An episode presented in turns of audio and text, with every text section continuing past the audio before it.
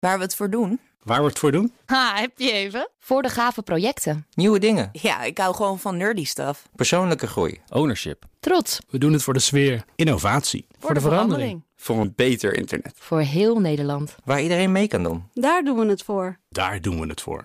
Waar doe jij het voor?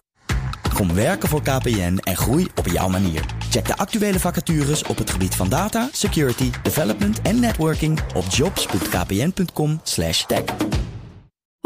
Ik ben Carlijn Meinders. Dit is Wetenschap vanavond. Terwijl honden tegenwoordig grotendeels gefokt worden op uiterlijke kenmerken, werd er volgens een nieuwe studie verder terug in de tijd vooral gefokt op gedrag.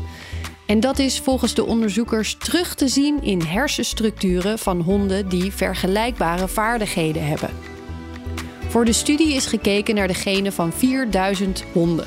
Daartussen zaten zowel huisdieren als halftamme en wilde honden, zoals wolven en coyotes. Ze konden tien verschillende stammen of lijnen onderscheiden, met elk hun eigen gedragskenmerken en specialisaties, zoals jagen of drijven bijvoorbeeld. Kijk je vervolgens naar hoe de honden er in die verschillende stammen uitzien, dan lijkt lang niet elk ras op elkaar.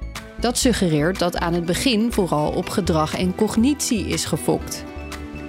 Naast vergelijkbare gedragskenmerken zagen ze binnen de verschillende lijnen ook overlap tussen genen die een link hebben met hersenontwikkeling.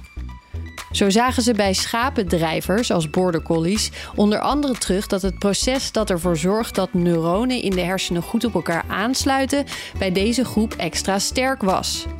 Sommige van de hierbij betrokken genen hebben ook een link met angst en moedergedrag. Iets wat er bij muizen voor zorgt dat ze hun jonkies in de buurt houden van het nest. Een nog onbewezen hypothese stelt dat dit de reden is waarom schapendrijvers van nature de kudde bij elkaar willen houden.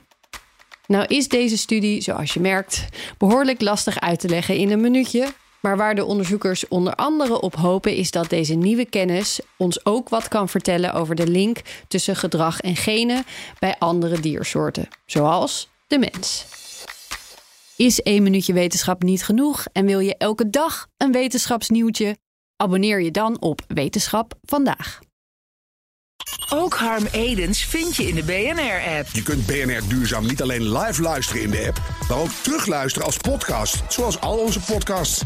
En naast dat de BNR-app Breaking News meldt, houden we je ook op de hoogte van het laatste zakelijke nieuws. Download nu de gratis BNR-app en blijf scherp.